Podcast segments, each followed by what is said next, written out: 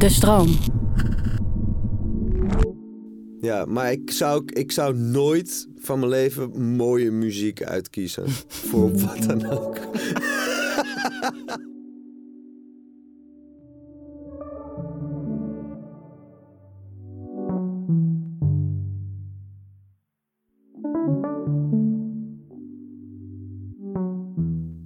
Het is onvermijdelijk.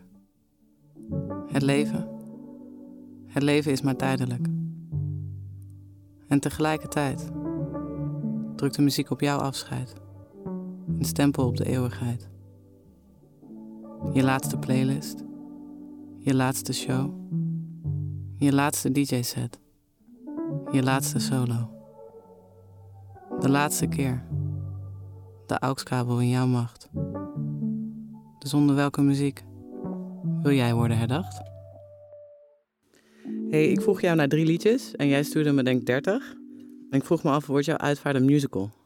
Ik heb er nog nooit over nagedacht. Oké, dat is goed, denk ik. Ja? Heb je nog nooit in een levensbedreigende situatie gezeten?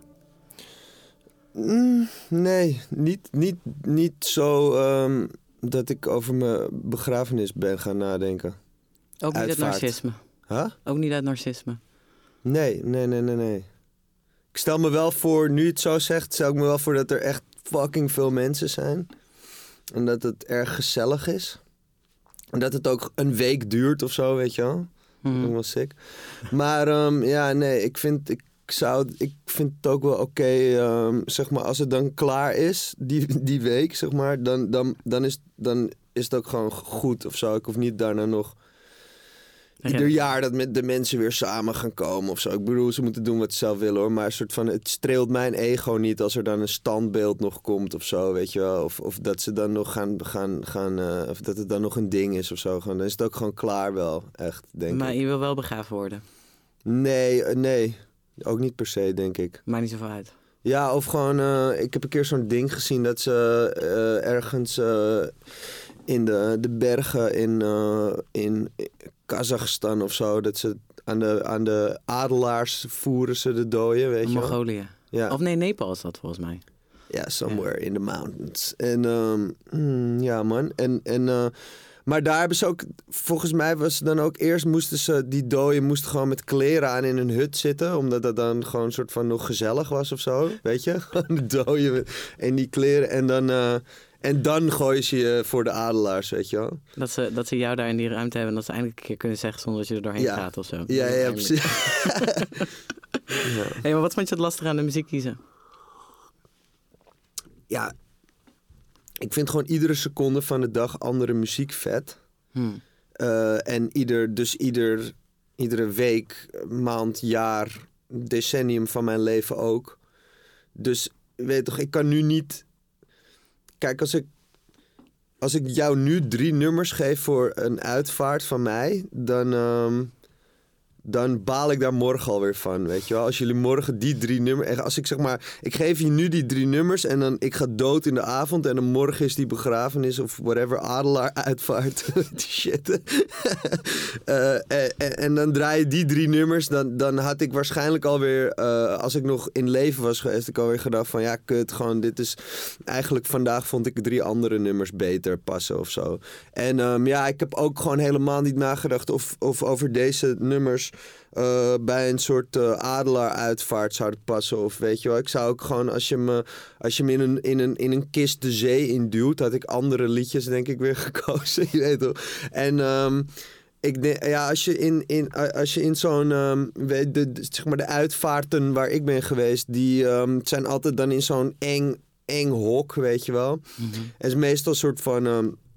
In eh, Noord, eh, want eh, al mijn familie komt uit Noord, dus daar is een soort van de Noorderbegraafplaats en die hebben dan zo'n soort van hok daar, weet je wel, een soort van met een soort, het is wel een soort, er is wel een kerkvibe, maar het is geen kerk, zodat iedereen en weet ik, veel. en het is gewoon een hele nare kutplek en ja, daar zou ik weer andere muziek ook weer voor uitkiezen. Ja, maar ik vond juist wel leuk, dat, want de luisteraar gaat dadelijk horen welk liedje je hebt uitgekozen.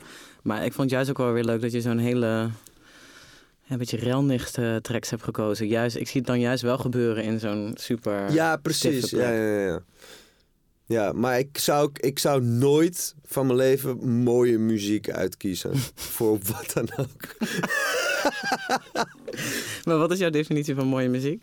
Gewoon te, Gewoon muziek die iedereen te, te Mooi vindt. Ja, ja, ja. een soort van, weet je wel, een soort van een soort, I don't know, Vind jij jezelf een soort behapbaar? ballad, weet Ja, je wel, ja. dat bedoel ik. Ja. Maar vind jij jezelf behapbaar? Ik, mijzelf, Ja. absoluut. Ja? Ja, zeker. Denk je dat je ook voor het grote publiek eh, dat bent? Ehm, ja, ik, kijk, ik, ik ben me er natuurlijk van bewust dat dat ehm, niet zo is. Alleen ik heb toch het idee dat het wel zo is. Juist omdat het niet zo is.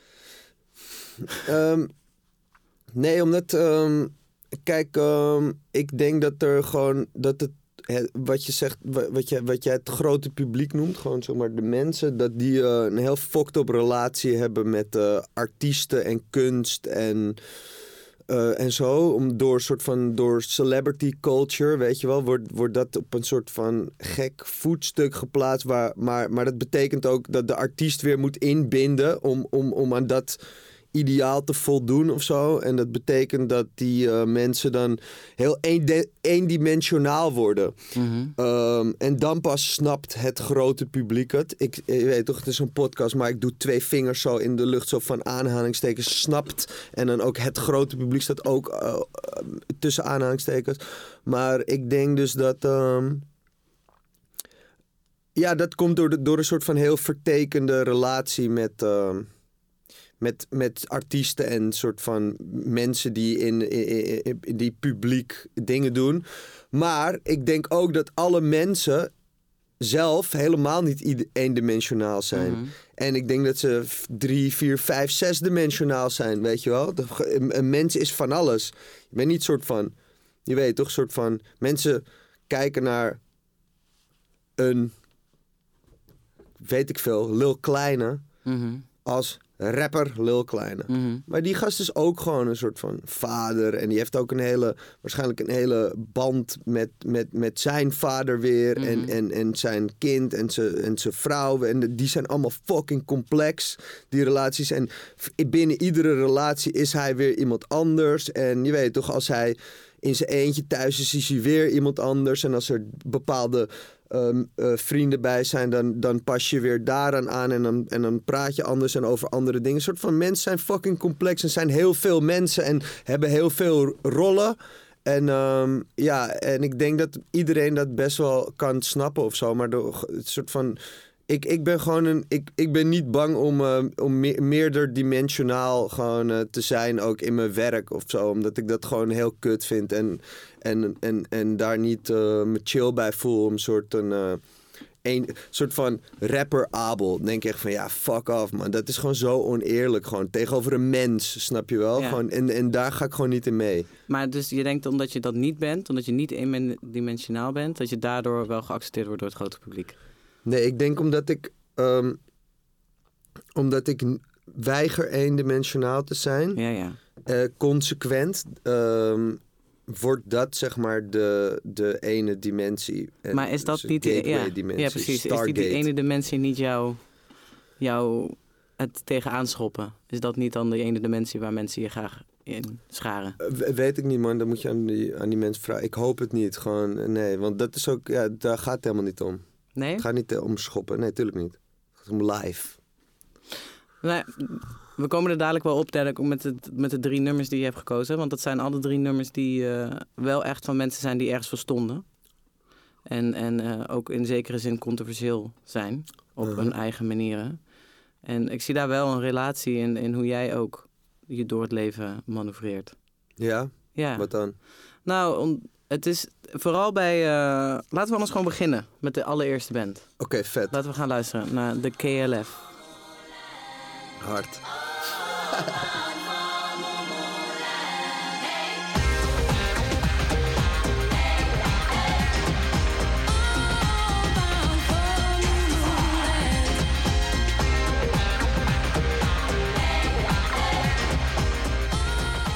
eerst even, even een paar cijfers gooien, zodat de luisteraar ook weet dat het niet zomaar een of ander iets uit, jou, uit jouw kast komt. Deze track was namelijk nummer 1 in 1992 in de UK en Zweden en nummer 11 in de US. In Nederland deden ze het ook heel erg goed. En ze worden gezien, de KLF, wordt gezien als de voorlopers van de Eurohouse waar hip-hop en country gemixt werd. En Justified and Ancient was tevens ook de laatste single die de KLF ooit uitgebracht heeft. Nou, vertel eens over deze kamikaze-piloten in de popindustrie. Ehm, ja, de KLF is dus eigenlijk de hardste band ooit. Zeg maar, het klinkt nu als... eh, ja, als gewoon een of andere dancey house track of zo. Maar hun hebben gewoon dat uitgevonden door gewoon... ehm, eh, ja, ze hebben dus een, een, een guide geschreven. Die heet How to Have a Number One the Easy Way. En zo hebben zij ook daadwerkelijk meerdere nummer 1 hits eh, behaald. En ehm, ja, de tactiek was gewoon... ehm, Oké, je, je huurt de duurste studio in je stad. Eh, je betaalt niet. Dat, je betaalt pas als de nummer 1 hit eh, eh, nummer 1 heeft gehaald en je wordt uitbetaald ervan. Dus ja, je huurt en oké, je neemt twee bekende pokoes en, en daar, steel je gewoon, daar steel je gewoon de hoek van en, en, en, de, en de drums en die zet je gewoon tegelijk. En dan eh, kijk je gewoon wat er op dat moment eh, net nieuw is. Een soort van novelty. En dat was in die tijd was dat soort van rap en, ehm, en een soort van house. En dan knal je dat allemaal samen. En dan, ehm, ja, dan breng je het gewoon uit. En dan, en dan spendeer je zoveel geld op een eh, plugger.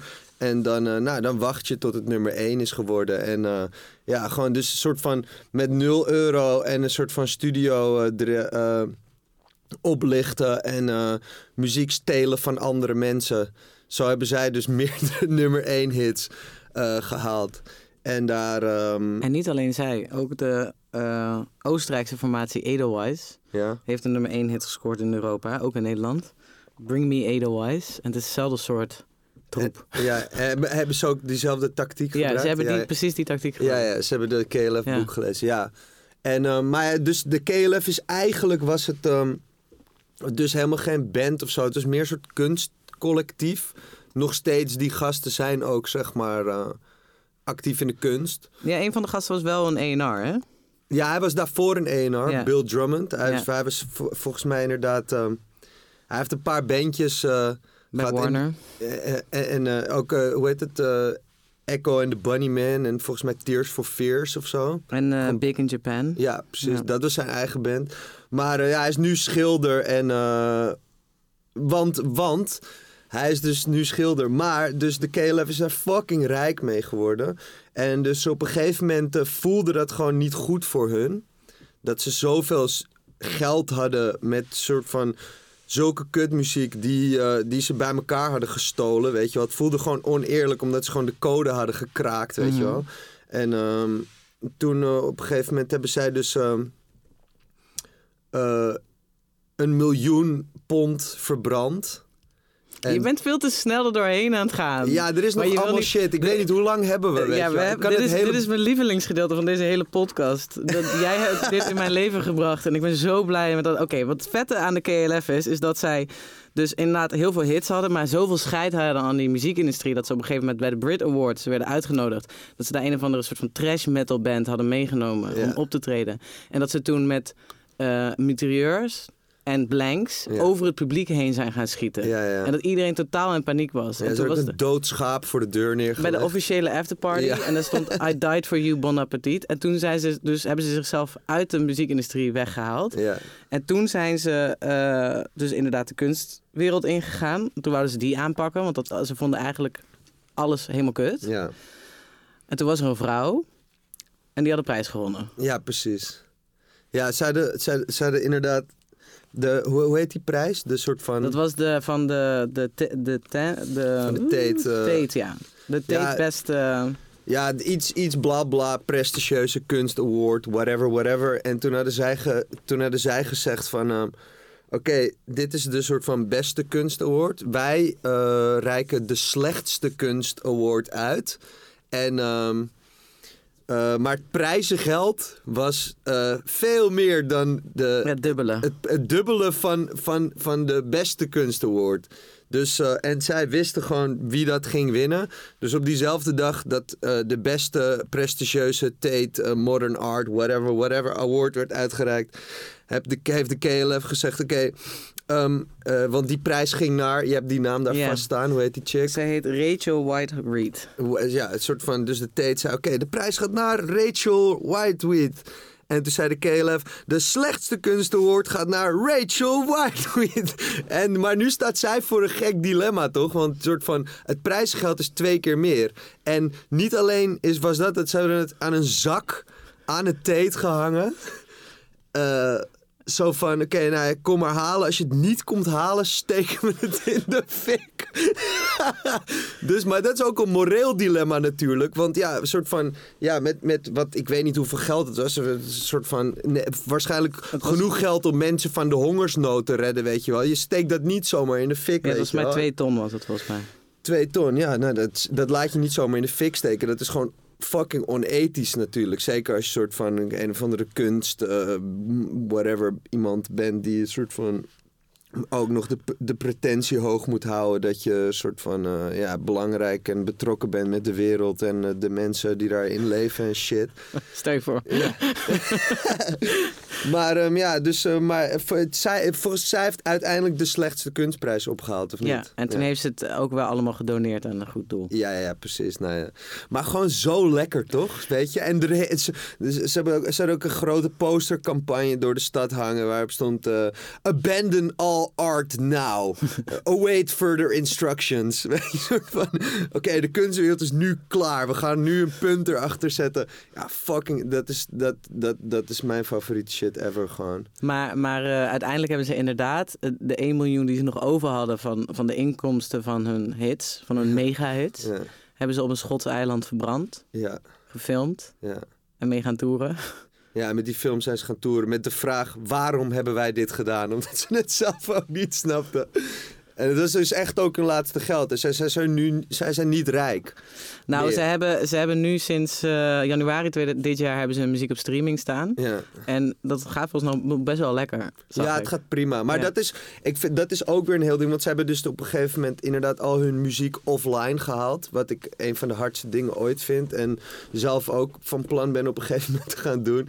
Maar... Um, uh, ja, en, maar dat, ik vind dat ook een interessant project. Want dat gaat heel erg over um, uh, archief. En um, wat, wat, betekent muziek als ding. Weet je wel? Het, uh, ik had het hier toevallig laatst met Sef over. Um, dat zeg maar eigenlijk alles wat je maakt... is eigenlijk de seconde dat je het hebt gemaakt... al een soort artefact uit het verleden. Mhm. Weet je wel, van... oh ja, interessant, zo voelde ik me één seconde geleden. Of één jaar geleden, weet je wel. Als die muziek is gemaakt, soort van... direct als het klaar is, is het al een soort van een... Een, um, een fossiel uit een verleden... wat alleen nog interessant is uh, als... Um, als soort van ding om te kijken van hoe het shit er toen aan toe ging, weet je wel. En, want je kan niks over de toekomst maken. En um, ja, uh, daarom vind ik ook gewoon dat uh, inderdaad gewoon uh, shit, shit kapot, kunst ook kapot moet. En ook op een gegeven moment ook gewoon weg kan. En um, de KLF heeft toen dus een hele discografie offline gehaald. Wat ik heel sick vind. Want zij zeiden van, oké, dit is niet meer belangrijk voor de wereld. Ik als, wij als kunstenaars vinden dit niet meer belangrijk genoeg voor de wereld. Vinden het zelfs schadelijk voor de wereld. Daarom halen wij het allemaal weg. En nu brengen ze het weer opnieuw uit. Uh, maar, maar het is... Het is ook heel erg... Hoe, hoe ze dat release is ook heel erg aangepakt als soort van... Het is heel een, een, een heel bureaucratisch bijna uh, archi archivaris project. Zo van, dit is deze capsule, dit is deze capsule. Mm. Echt zo, weet je wel. Een soort van als tijdscapsules van, oké... Okay, uh, misschien is het nu weer interessant voor mensen... maar we, we soort van met een zekere afstand tot de muziek. Mm -hmm. Een soort van de tijd is daar weer rijp voor. Ja, dat vind ik gewoon... Dat, dat soort dingen... Niet eens de muziek zelf... Maar gewoon de benadering en hoe zij, er, ja, hoe zij met hun eigen muziek omgaan en, eh, en zich verhouden tot zowel muziek als kunst, eh, vind ik, eh, ja, dat is gewoon mijn favoriete shit ever. Ja, het is eigenlijk, voor de, vooral voor de popindustrie is het natuurlijk, het is zo egoloos. Het gaat zo erg om de kunst. Het gaat zo weinig om de persoon eigenlijk. Totaal. En, en zijn ook echt niet bang om bang. shit overboord te gooien Mm. en iets fucking radicaals te doen zonder zelf te weten wat het betekent. Je laatste geld verbranden, een miljoen, In die tijd. wat, wat in die tijd nog meer was, pond. Eh, ja, dat verbranden zonder zelf echt soort van van tevoren goed te hebben bedacht van wa- wat betekent dit, waarom doen we dit, is dit een goed idee? Maar za- zag jij het dan? Ik las het ook heel erg als een, een dikke middelvinger naar kapitalisme en het hele idee van geld verdienen rondom Ja, kunst. dat soort van, zo in dat licht kun je het zeker zien. En zo zie ik het ook zeker graag. Maar ik denk niet eens dat zij dat op dat moment dachten. Het was gewoon een gut feeling. En ehm, daar, ik geloof daar heel erg in dat. dat, dat eh, ik, ik zie daar ook in dat zeg maar. ehm, als je zeg maar echt bij jezelf te raden gaat en soort van je hele morele kompas goed uitkampt, is kapitalisme gewoon niet intuïtief. Het, je, je weet gewoon ergens in je, in je, in je, in je sodemieter zit gewoon, weet je gewoon dat het immoreel is en dat het slecht is voor de wereld om op die manier je te verhouden tot de mensen en dingen en, en dieren en leven en, en Dus als er nu iemand naar je toe zou komen met 1 miljoen.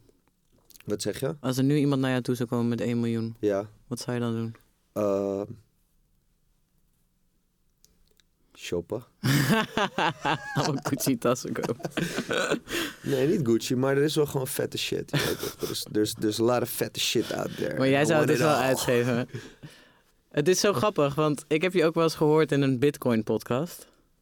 Ja, ja, zeker. Waar een, Geloof ik ook nog steeds in. want het- voor je, maar Bitcoin ligt onder vuur, maar ik geloof er nog steeds in. Mensen zeggen van ja, maar het is zo eh, immoreel, want ehm, ja, eh, het, het, het verbruikt zoveel energie en zo, weet je wel. Maar, maar ehm, ja, dan, dan, dan denk je gewoon niet na over hoeveel energie het alternatief eh, verbruikt. Gewoon de banken. Heb je wel eens in een grote stad geweest? Je weet toch, het, een grote stad, de grootste gebouwen in een grote stad. ja, maar, Ja, de maar- hoogste gebouwen die de skyline bepalen zijn altijd banken. bank, ba- eh, hoofdkantoren Ja, van banken. naar Washington hoeveel fucking shit, hoeveel energie verbruikt dat, man? Ja, oké, maar ik ben, het wel, ik ben het wel met je eens dat het de oplossing kan gaan zijn. Alleen het- als je kijkt naar eh, volgens een van, een van de. Volgens mij is het Bitcoin. De server daar heeft alleen al in één dag verbruikt evenveel als Washington in drie maanden of zo. Van een grote stad. Dus het is wel intens. Ja, het is heel intens. Zeker, Het is zeker, in- zeker. zeker niet ideaal. Maar je bent wel natuurlijk extreem activistisch in. Zowel bij Extinction Rebellion heb ik je wel zien optreden. Mhm. Bij de woningprotest. In general. Bij best wel veel grote eh, activistische Ja. eh, momenten. Als jij er eentje zou moeten uitkiezen, waar, je, waar jij een miljoen voor zou verbranden, wat zou het dan zijn? Ik geloof er niet in dat die dingen losstaan van elkaar. Dat is allemaal een soort van, alle, alle strijd is één strijd. En dat is ongelijkheid. De- Ja, basically. Dat is waar je, waar je tegen strijdt. Ehm, ja, ik denk ook wij allemaal. Wanneer ben je daarmee begonnen? Wanneer heb je, had je echt door van oké, het is zo oneerlijk. Nou, ik denk eigenlijk, ik heb dat, eh, dat zat er.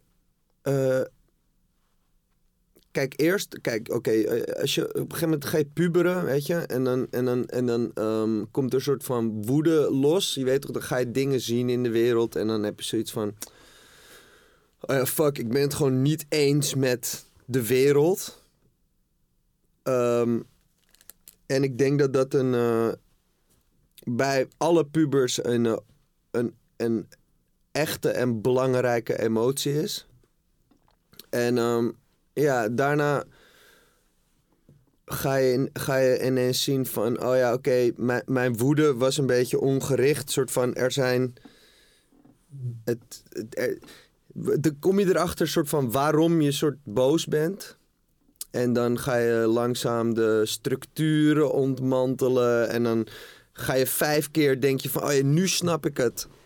En dan word je ergens boos op en dan denk je daarna weer... oh nee, nee, oh nee, het zit toch net iets anders. Ik ben nu boos op dat. En ik denk uiteindelijk ehm, kom je er gewoon achter dat, dat je ongelijkheid gewoon kut vindt. En dat dat gewoon... Want dat, dat is ook een mensending. Dat voelt gewoon... Je voelt gewoon aan alles dat het kut is als iemand het kut heeft. Mhm. Want ehm, mensen eh, die het slechter hebben dan jij gaan ook. ehm, zeg maar, criminaliteit komt ook voort uit dat er gewoon ongelijkheid is. En daar heb je dan weer last van, weet je wel. Mhm. Dus het is een soort van eeuwige cirkel. Dus eigenlijk hoop je gewoon op een wereld waarin alles top is, natuurlijk, weet je wel. Mhm. En ehm, ja, Vind je het moeilijk dat je een, eh, een witte heteroseksuele man bent? nee. Heb je het gevoel dat je dat gebruikt om, om juist activistisch te zijn? Nee. Heb je het gevoel dat je altijd je stem mag laten horen? Ja. Ja. Ik ken dus veel witte heteroseksuele mannen die het gevoel hebben dat ze heel graag activistisch willen zijn, maar het niet durven te zijn in die zin. Omdat ze dan het gevoel hebben dat ze een plek innemen die niet voor hun bedoeld is. Ja, je moet ook geen plek innemen die niet voor jou bedoeld is. Wat is jouw plek? dat is inderdaad kut. Dat moet je niet doen, nee. maar wat is jouw plek dan? Snap je? Ehm, weet je, ah, ah, ik, ik, ik begrijp, ik begrijp dit, deze soort van. ehm, dit, deze discussie en ik begrijp dit ehm, onderwerp heel goed. Maar. ehm, kijk, ik ben, me, ik ben me ervan bewust. Maar kijk, omdat ik ook. eh, ik, ik, ik, mijn identiteit. Wat ik vind, wat ik belangrijk vind in de wereld. Hoewel beïnvloed door. soort van. inderdaad. ehm soort van witte cis man. Of eh, wat. eh, ik weet niet wat de. de laatste update van die term is, maar gewoon dat. 2.0. Ja, eh, zeg maar, hoewel dat inderdaad eh, is wie ik ben. Ik soort van, mijn identiteit is niet dat. Mhm. Snap je? Ja. Ik ben En dat, dat is precies mijn punt. veel meer. Maar dat is precies mijn punt. Omdat we dus zo daarop gefocust zijn, heb ik dus het gevoel dat we daar onze identiteit zo aan hangen. En dat vind ik er soms zo lastig aan. Ja, dat moet je ook helemaal niet doen. Nee, maar heb, dat heb je niet het gevoel Je soms in moet, je, wel van, je moet je er wel van bewust zijn. En je moet er ook niet geen, je moet er geen misbruik van maken. En je moet er eh, rekening mee houden. Maar je, je, je, je, je bent bent meer niet dan dat. dat, ja. tering man, hallo. Ja. Zeg, je bent gewoon een fucking mens ook. Ja. eh, met wat ik zeg maar. Je bent niet... Dat is een eendimensionale view op de mens. Ja. En dat is misschien makkelijk. Ik zeg maar, dat is, dat is fijn om te. Een soort van houvast om soort. eh, ja, de grote gesprekken soort van eh, te structureren in je hoofd. Gewoon te kijken van oké, wie in, op het wereldtoneel is wat en werk veel. Maar gewoon als jij als mens. Kom op man, eh, gewoon, eh, het- gewoon cijfer jezelf niet weg. Zo, ja, I don't know. Nee, je hebt helemaal gelijk. Ik denk dat we, dat we een goed, tot een goed punt zijn gekomen in deze discussie. Oké, maar Zullen we gewoon naar French, French Montana en Max B luisteren dan? Fuck yeah.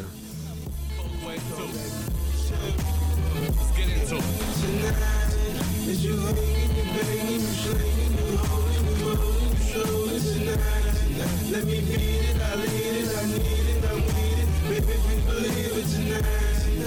Hey, waarom heb je dit nummer gekozen? Eh, ik, ja, ik hou van dit nummer, man.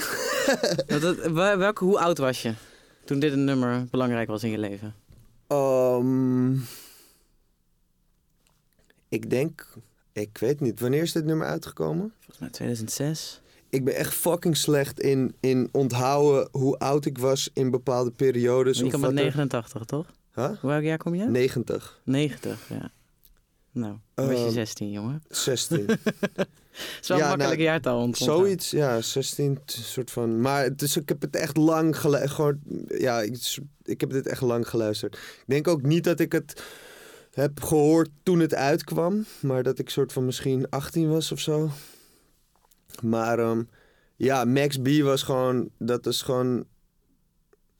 Het, het, het is zo fucking eigenzinnig. Mhm. En, ehm, En die sound is ook. Het, die, de, het is een hele slechte, slechte. Gewoon slecht opgenomen. En je hoort ook gewoon die, die sample van, van YouTube is, is geript. En een soort van. Je hoort gewoon de soort van De straat. de bits, gewoon de MP3 kwaliteit, gewoon maar, maar, maar soort van.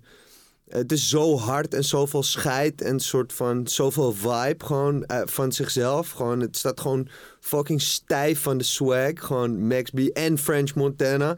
Die toen meer nog. French Montana was toen meer nog een soort van Max B's sidekick, je weet toch? Mhm. Ehm, en ehm, ja, Free Max B eh, gewoon ook. En ehm, ja, I don't know. Ik, ik ben ook Komt dit jaar vrij, hè? Ja, ja het, het- er zijn ook een paar nieuwe pokoes weer uit en die zijn keihard. En het is gewoon, het is gewoon, ehm, ik weet het Nederlandse woord niet, maar unapologetically gewoon wat het is, weet Echt. je wel. Dat vind ik gewoon fucking hard. En ik hou heel erg van New York vibes, gewoon een soort van, Ja. gewoon zin om gewoon een fucking soort van sandwich te halen en voor de bodega te hangen de hele dag. En gewoon stiekem jonko te roken, weet je wel. En die, en die bier uit zo'n zak en een soort van, yeah, gewoon dat. Het fucking, ja, dat is gewoon...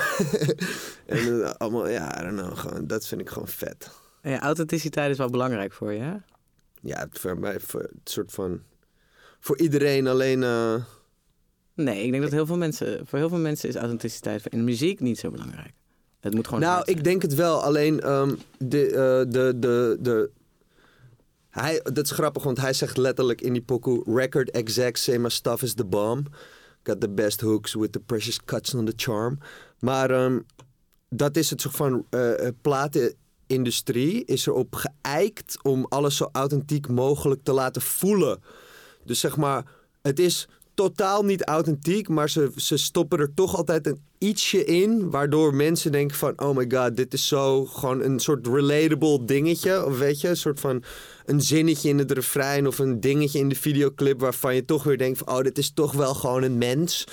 Eh, Waardoor het soort van die ene dimensie ineens soort van een klein glimpje van oh, er is toch meer gewoon oh, dit is zo authentiek, oh, dit is een mens, ik kan hiermee relaten, bla bla bla. Soort van dat, dat doet de platenindustrie met, met popsterren en Mhm. shit, gewoon, Mhm. weet je wel. En ehm, ja, gewoon ik, ik ben daar iets extremer in. Gewoon, ik, vind, ik vind het namelijk, ik ga ook aan als ik soort van iets in een Katy Perry, whatever, gewoon achtig iets zie waarvan ik denk van, oh dit is best wel een soort van een eigenzinnig dingetje. Hoewel ik weet, het is allemaal gedokterd en van tevoren bedacht om mij dit gevoel te geven. Ehm, dat vind ik ook vet. Maar gewoon, ik denk dat eh, inderdaad soort van bij Max B... Daar beginnen al die dingen. Je weet toch, hij verzint die dingen, die shit, wat, hoe hij doet, de soort van, daar zitten ze echt. Dat zijn echt de parels. Gewoon, die shit is het gewoon bezaaid met parels. Alleen het is net te driedimensionaal voor de meeste mensen om soort van echt te eigenzinnig om echt helemaal in te verliezen. Hoewel dat natuurlijk ook een grote artiest is en miljoenen streams. Maar je weet toch, het is best wel een soort rauw alsnog. Ehm, Maar ja, hij heeft Dat vind ik gewoon een deel vet. van zijn carrière vastgezeten. ja, ja, ja, precies. Zou hij zou zo een French Montana kunnen zijn. Ja. Die Ja, niet meer zo echt is. Ja. Ja, precies. Die is gewoon, die is meegaan met de industrie, zeg maar. Ik vind French Montana nog steeds fucking hard trouwens. Mijn mening is dat alle eh, hits zouden eigenlijk een, een remix moeten hebben met een French Montana verse. Gewoon, je weet toch? Een soort van. Dat zou, dat zou ik heel fijn vinden. Maar goed, ik snap ook dat, ze, dat hij daar geen tijd voor heeft. Maar ja, ik, I don't know. Ja, de- maar het is gewoon, ja, de, de rawness, man. Max B. Hey, je bent je eigen label begonnen, een paar jaar geleden. Drie Ja. jaar geleden? Mm, ja, 300. eh, ja. Vind je het leuk? Labelbaas? Ja, ja, ik vind het heel leuk. Alleen de praktische dingen niet. Het echte baas zijn vind je niet per se heel leuk. Jawel, maar... ehm, nee, ik vind de baas zijn wel leuk. Want ik, soort, ik... Kijk, ik weet gewoon wat ik wil en hoe ik het voor me zie. En eh, wat ik vet vind en zo. Dat weet ik allemaal goed. Maar ik vind het niet leuk om... eh, om eh, A4'tjes te vullen met soort teksten over... De Buma. royalty Ja, afspraken en whatever. En I don't know. En soort van de Buma cuts en de weet ik veel. En de soort van...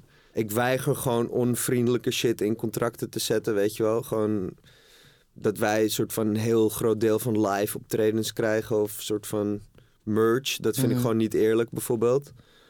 Ehm, Jullie hebben eigenlijk gewoon licentiedeals met jullie artiesten. ehm, nee, we hebben wel gewoon een soort, eh, eh, hoe noem je dat? Eh, joint venture contracten. Oh, oké. Maar gewoon 50-50, weet je toch? Ja, Het is ja. gewoon eerlijk gesplit. Zo van, wij doen ons shit, jij doet jouw shit, je maakt die muziek. En eh, ik denk, Pepijn en ik zijn allebei wel heel goed in A&R. Een soort van, van, weet je wat je zou moeten doen? Je moet een pokoe maken die zo heet. En dan gaan we in de video dat doen. En dan zet je, eh, heb je dit shirt aan en het is nu al iconic. En Ja. een soort van, let's go, weet je wel. En ehm, dat soort shit. Dus ehm, ja, dat is ook wat we leuk vinden om te doen. En ik denk ook dat dat is waar we goed in zijn. Het moet gewoon een beetje de punk weer in de mainstream brengen, vind ik. Het is nog niet mainstream, maar ik vind dat het gewoon het moet zijn. Ja. En dit is gewoon onze vehicle om gewoon dat weer te doen. Er moet weer wat met de wereld, weet je wel. En eh, ja, gewoon die generatie, gewoon die, die, de jongere generaties, die, die, ehm, die zijn best wel weer activistisch en die willen ook weer shit. En daar hoort gewoon andere muziek bij. En dat moet gewoon weer, weet je, dat moet gewoon weer even op gang komen. Ja. En eh, daar Is- faciliteren wij in. Is denk je dat dat ook de reden achter het succes van Hang Youth? Dat het eindelijk een Nederlandse muziek is die wat te vertellen heeft over de Ja, ontevredenheid. ja, ja, gewoon soundtrack voor de Ontevredenheid. revolution. Had je verwacht dat, dat mensen er zo mee zouden weglopen? Nee, helemaal niet. Nee, het voelde in het begin een beetje als een soort van... Abel wil graag zijn mening in 30 seconden vertellen. Onder gitaren. Ja, nou ja, dat is het ook. Dat is, ja, je, je hebt zojuist punk omschreven. Vul voor Abel en, en die andere naam in. En ja, go man. Ja. Ik vind mijn favoriete nummer van Youth is denk ik wel Cultural Appropriation. Ja, ja, dat is de beste. Dat is een piece of art. Hey, iemand anders die eh, op hele ehm, artistieke manieren eh, pieces of art eh, maakte. En ook trouwens al zijn werk naar zichzelf toe heeft getrokken in zijn laatste jaren. En een heel archief voor zichzelf heeft gebouwd. Is Frank Zappa. Ja, Eh, dus ik vond het eigenlijk wel heel erg logisch dat hij in jouw lijstje zat. ja, Eh, Jesus think you're, thinks you're a jerk. ja. Weet je waar het nummer over gaat? Eh, ja, over een soort... het, het gaat over een televisiepriester. Ja, het gaat over... er, zijn dus, er zijn dus heel veel versies van dit nummer. Hè? Dat is het zeker aan Sappa. Gewoon van alle nummers zijn gewoon 100 versies. En als er iets actueels is, dan. eh, want het zijn heel veel live albums. Dus als er iets actueels is, dan, eh, dan past hij het nummer aan aan iemand anders. Volgens mij er zijn drie versies van deze pokoe die telkens net over iemand anders gaan. Ja, Maar dit gaat over een soort televisiepriester. die seksschandalen schandalen Ja, ja, op zijn naam precies. staan. Ja. ja, wel sick. Eigenlijk een soort van meme is, is het dan. Dat je het elke keer aanpast op... op Ja, de- weet je wel. En het is ook het is crazy politiek, zeg maar. En het is grappig. Ehm, en het is heel ontoegankelijk. Ik vind het niet zo ontoegankelijk. Ik, Nou, luisteren? Sappa, ja, gewoon misschien dit nummer niet per se, maar een soort van de, de, de vorm is gewoon. eh, het is, en het is ook het is eigenzinnig, dus ontoegankelijk. Dat is eigenlijk het ding. Hm. Weet toch, dat is ook. eh, maar dit is, net als Max B trouwens, dit is gewoon zo iemand die zijn eigen space heeft genomen, weet je wel. En eh, daarvan zelf soort van mensen voor heeft gevonden die dat, die dat zochten en, en vet vonden. Ehm, ja, Zullen we gaan luisteren? ja, luister. Ugly little weasel, about three foot nine. Face puffed up from crying that line. Cause a sweet little hubby sucking from part time. Little shoe, oh yeah, oh yeah. Jesus thinks you're a jerk. Would he really choose Tammy? Hoe belangrijk is humor in jouw werk? Ehm, ja, dat is een Zappa-album, hè. Die heet Does Humor Belong in Music? Wist je dat? nee, dat wist Oh. ik niet. Ja. Nou. Ehm, Nou, ja, gewoon eh, net zo belangrijk als in het leven zelf. eh. dus heel belangrijk. ja, denk ik wel. Vind je het vervelend wanneer het heel serieus wordt? Nee, helemaal niet. Maar, ehm, nee, ik, eh, zeg maar, ik, ik denk ook, ik zie humor als een serieuze aangelegenheid. Oh ja. Ja. Dus van, het is net zo belangrijk als soort van, tussen aanhalingstekens, zware dingen, toch? Soort Ja. van, het is een, eh, het is een ding aan zich. Hey, wat serieus genomen moet worden. je hebt in je laatste track...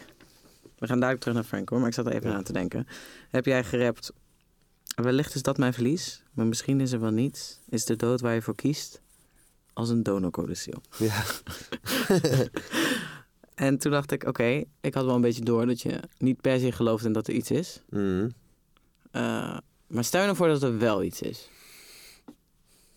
En je krijgt, want een goede vriend van jou zat in het eerste seizoen, Mikey De Ja. Niro. Die heeft een bijna doodervaring gehad. Als je hem nog Mhm. niet hebt geluisterd, ga alsjeblieft even naar het eerste Ja. seizoen, naar deze aflevering. ja, doe het. En ehm, hij heeft eh, dus wel iets meegemaakt waardoor hij denkt dat er iets is. Ja, En een van de dingen van een bijna doodervaring is dat je een soort van trailer krijgt van je leven. ja. Waarin je krijgt te zien wat voor impact je hebt gehad op mensen. En dat, zijn dan, dat is dan niet de, de standaard. Je bent getrouwd, je hebt een huis gekocht, je hebt kinderen gekregen, al die shit. Maar het Het is de echte shit. ja, het is de, de, de, de, de gesprekken die je hebt gehad met mensen die daadwerkelijk een verschil hebben gemaakt. Aha. Wat zou jij graag willen zien? Mocht, mocht je zo'n trailer te zien krijgen.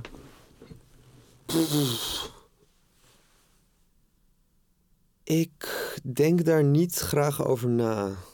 Wat vind je daar moeilijk aan? Ehm,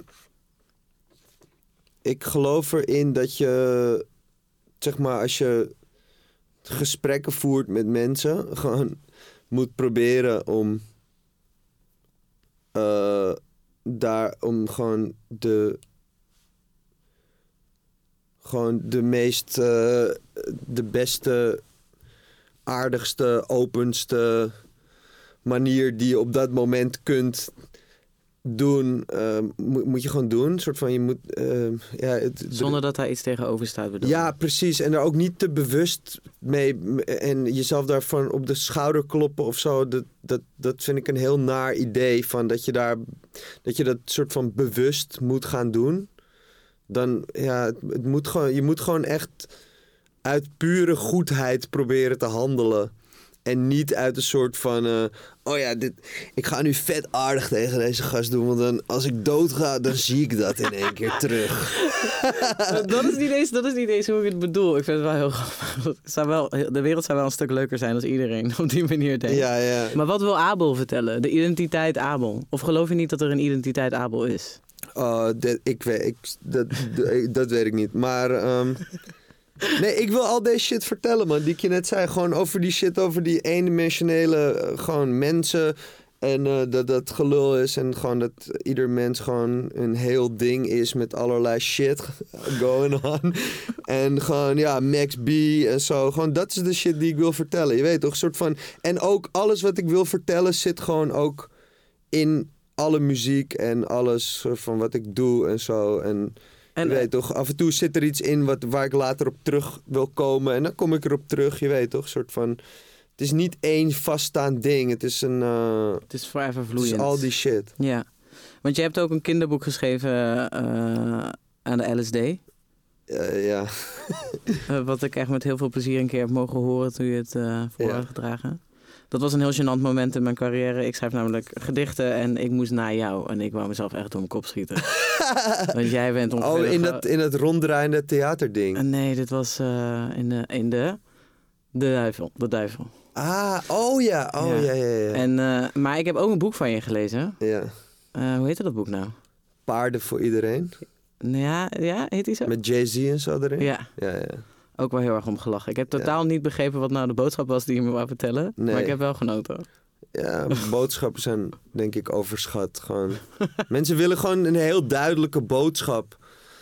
Maar dat bestaat gewoon niet. Gewoon, dat is, dat is Dat de is boodschap. ja, I Gewoon, get it. van, dat fucking bestaat niet, man. Je moet gewoon even...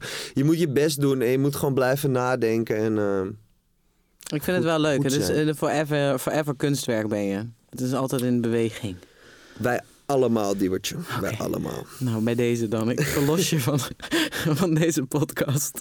Dankjewel voor het luisteren en dankjewel voor het komen. Ja, thanks. Ik vond het echt leuk. Gelukkig.